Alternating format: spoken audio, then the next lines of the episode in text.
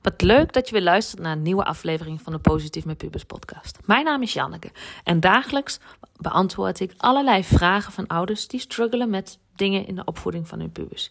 Ik beantwoord ze en in deze podcast behandel ik die vraag met jou en geef ik mijn visie erop en neem ik je mee in mijn dagelijks leven. Mocht je het nog niet gedaan hebben, abonneer je dan op deze podcast, zodat je geen aflevering meer mist. En als je deze podcast tof vindt, geef het dan zoveel mogelijk sterren of een positieve review.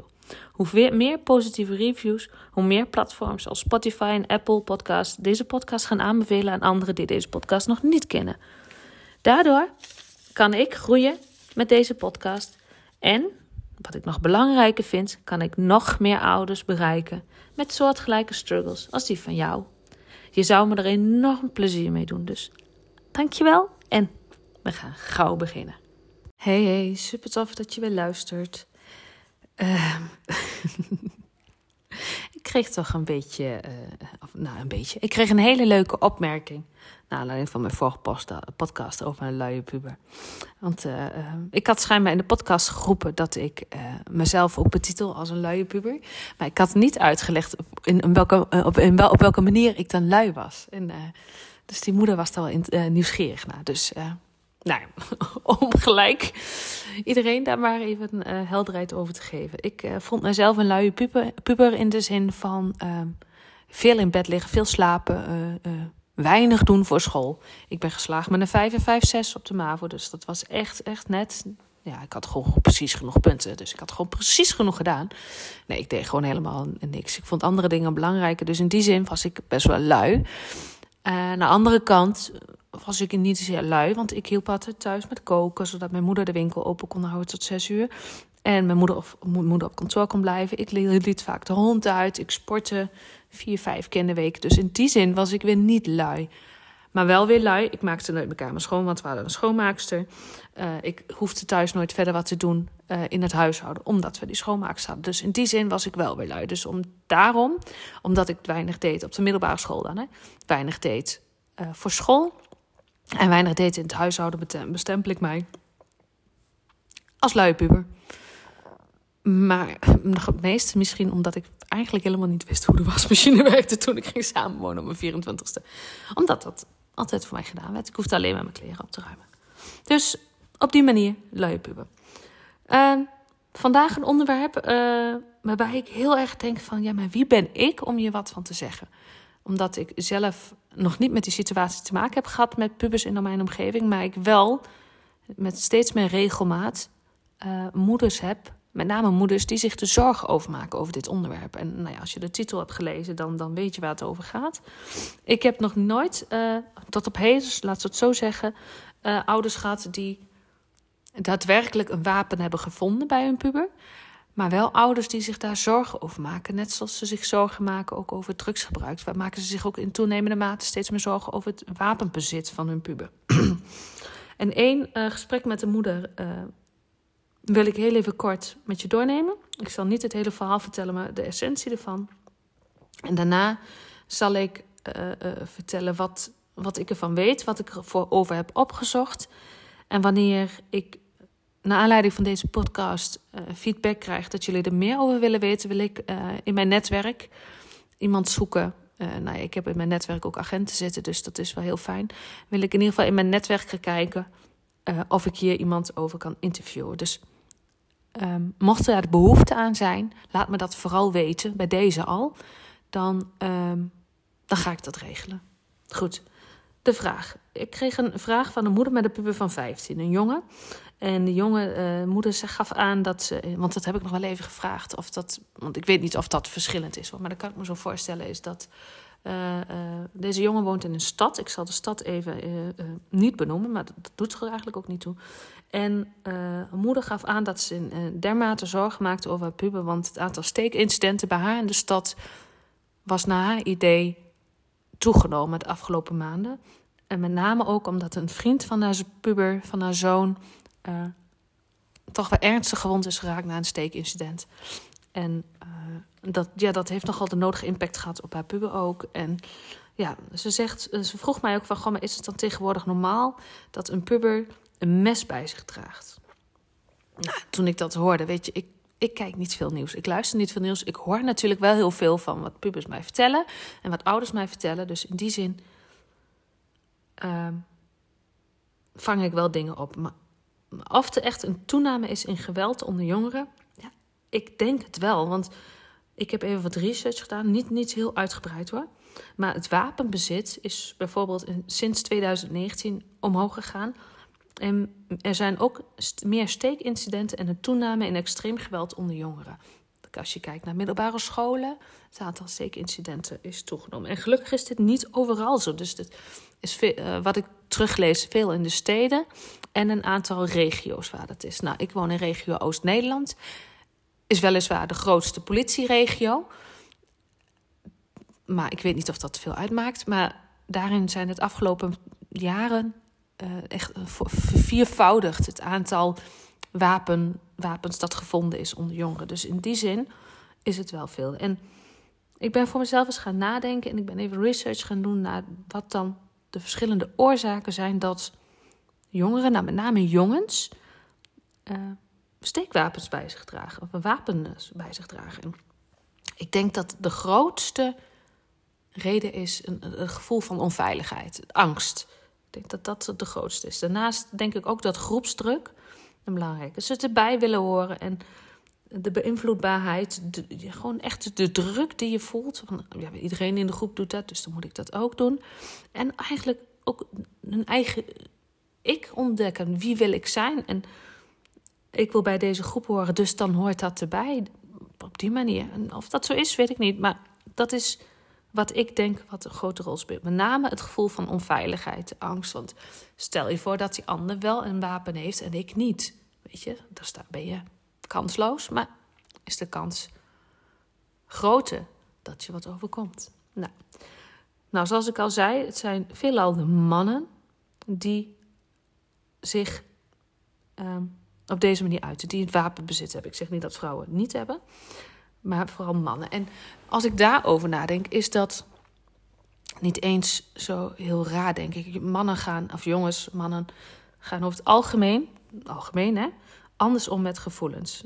Ze, ze, ze zijn vaker naar buiten gericht en ze, uh, ja, ze praten er wat minder gemakkelijk over. Ze kunnen het wat minder goed ventileren dan dames dat kunnen, dan vrouwen dat kunnen. En dat uit zich ook in het aantal suïcidepogingen en geslaagde suïcide. Dat die eh, groter is bij mannen dan bij vrouwen. Maar of dat onder jongeren dan ook is, dat, dat durf ik niet te zeggen. Maar in de algemeenheid, een suïcidepoging uh, slaagt bij een man vaker dan bij een vrouw. Ja, of je daar gelukkig mee moet zijn. Nou ja, goed, dat is het inderdaad.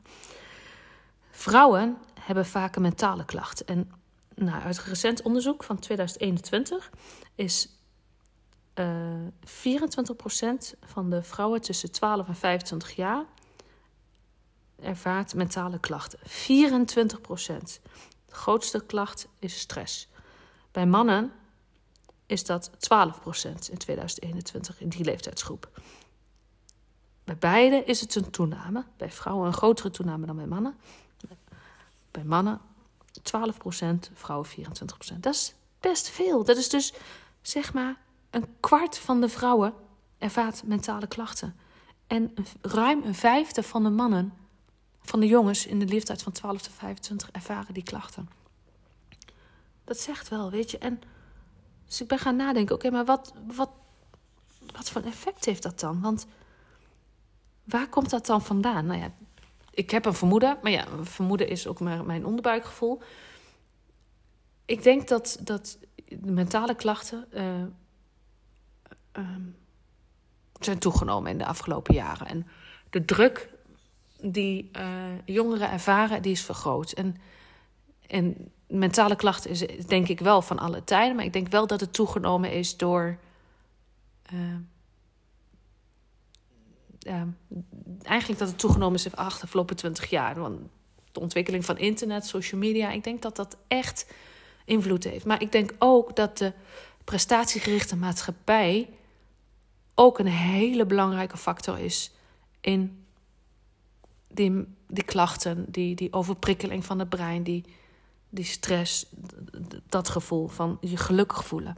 Ik denk echt dat de maatschappij daarin een hele belangrijke rol speelt. Dus de maatschappij, de, de, eh, eh, de prestatiegerichte maatschappij. Dus hetgeen wat wij gecreëerd hebben. En dat maakt dat we graag bij, erbij willen horen. En, en het erbij willen horen is iets van alle tijden. Want dat wilden we in de oertijd al. Want dan, toen wil je erbij horen omdat je kans van overleven nog groter is. Maar die oerdrang die zit er nu nog steeds.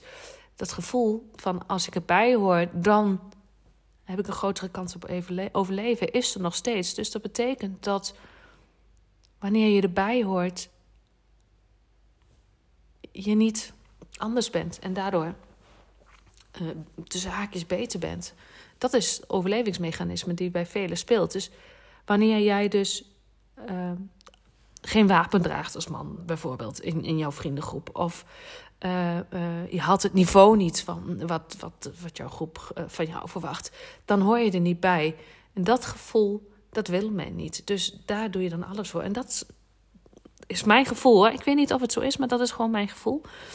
Dat kan een oorzaak van, van die mentale klachten. Dat kan, naar mijn idee, een oorzaak zijn van het toenamend geweld. Maar of het zo is, weet ik natuurlijk niet.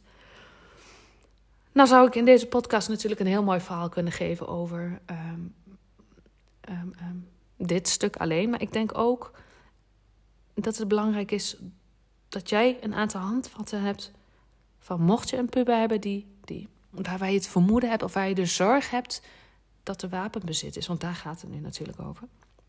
Wat zou je dan kunnen doen als ouder? Nou, wat ik denk dat heel erg belangrijk is, is, in het gesprek blijven over wat hen bezighoudt. Zonder daar een oordeel over te hebben. Gewoon te luisteren. Oké, lieve schat, wat houdt je beter? En dan onderzoek en observeer voor jezelf wat dan het gedrag is achter het gedrag. Dus waarom voelt je puber, als je dat gevoel hebt, de noodzaak om een mes of wapen bij zich te hebben? Dus in dat gesprek, zonder daar gerichte vragen over te stellen, net wat voor jou goed voelt. En net ook hoe je deze onderwerpen normaal gesproken aansnijdt. Uh, dus wat houdt hen bezig? Wat is het gedrag achter het gedrag? Waarom doen ze wat ze doen? Sowieso nieuwsgierig zijn, lijkt me heel erg belangrijk. Ook al is het die band. En, en dan in gesprek ook met elkaar gewoon erover hebben. Oké, maar wat, wat betekent het dan als jij een wapen bij je hebt? En wat kunnen eventuele gevolgen zijn als jij een wapen bij je hebt? Um, um, waar bewaar je die dan als je op school bent?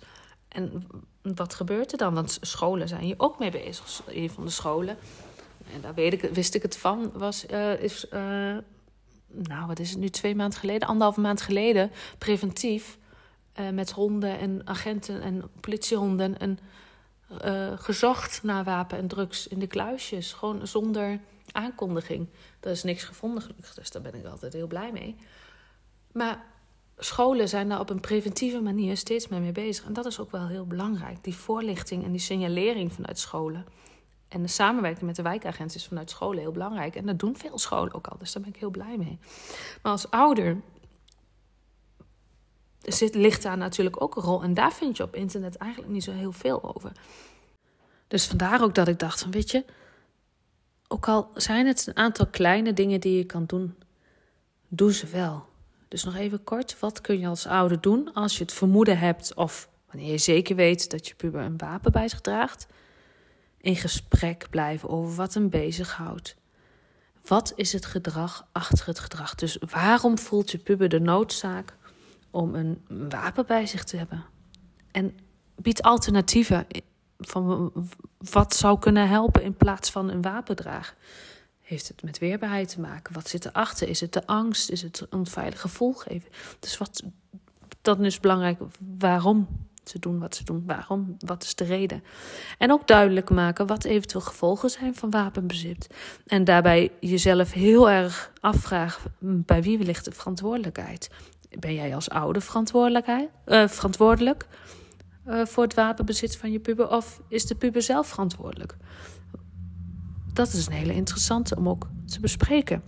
En in, ja, ik vraag me af of er überhaupt een leeftijd aan gebonden is. Vraag het ook van, heb jij een wapen? Zo ja, uh, wat doe je daar dan en waarom heb je die dan? En ook uh, de mogelijkheid geven om om in te leveren zonder de consequenties aan te verbinden. Ik denk dat dat erin belangrijk is. Dat je, je puber weet dat het bij jou veilig is. Dat bij jou niet nog die, die, die, dat onveilige gevoel moet hebben in de zin van... als ik nu eerlijk ben tegen mijn ouders, dan heb ik sowieso een probleem... of ik nou een wapen heb of niet. Dus wees ook die veilige haven. Maar met name blijf in gesprek met je puber over wat hem bezighoudt. En dan kom je er ook vanzelf meer te weten. En dan kun je ook acties op ondernemen. Is het inderdaad de angst of het onveilige gevoel? Wat kun je dan doen? Is het dan nodig om hulp in te schakelen? Of is het nodig om op school het signaal af te geven dat daar binnen school iets mee gedaan wordt? Of als het überhaupt al met school te maken is, of, of als het in die relatie ligt. Dus kijk als ouder, wees nieuwsgierig, luister, oordeel niet, verwijt niks. Vooral nieuwsgierig zijn zoeken en kijken, samen kijken wat nodig is. Nou, ik, uh, zoals ik al begon deze podcast, um, een lastig onderwerp. Mocht je er meer over willen weten, laat het me vooral weten. Dan, dan ga ik hier nog een keer uitgebreid op terugkomen. Maar dat wil ik alleen doen als de behoefte er is. Dus wanneer je die behoefte hebt, stuur me een DM, stuur me een berichtje, maakt niet uit. Ook als je met je zorgen zit, met je vragen zit, stuur ze gewoon. Over dit onderwerp, over elk ander onderwerp. Maar even koppelend aan dit onderwerp. Mocht je het gevoel hebben, hier wil ik meer over willen weten, over wat ik als ouder kan doen, laat het me dan weten. Dan zorg ik dat ik binnen mijn netwerk iemand ga zoeken die daar meer antwoorden op kan geven, die meer tips en adviezen kunnen geven. Maar zoals ik al zei, alleen als de behoefte er is. Oké. Dank je wel voor het helpen. Of voor het helpen zeg ik. Dank je wel voor het luisteren. Ik hoop dat het je geholpen heeft. Ik hoop dat het je verder brengt. En dat het, ja weet je, je zorgen kan ik daarin niet wegnemen. Maar ik hoop wel dat het je inzichten en ideeën heeft gegeven over hoe je je mee om kan gaan. Oké, we spreken elkaar snel. Tot later.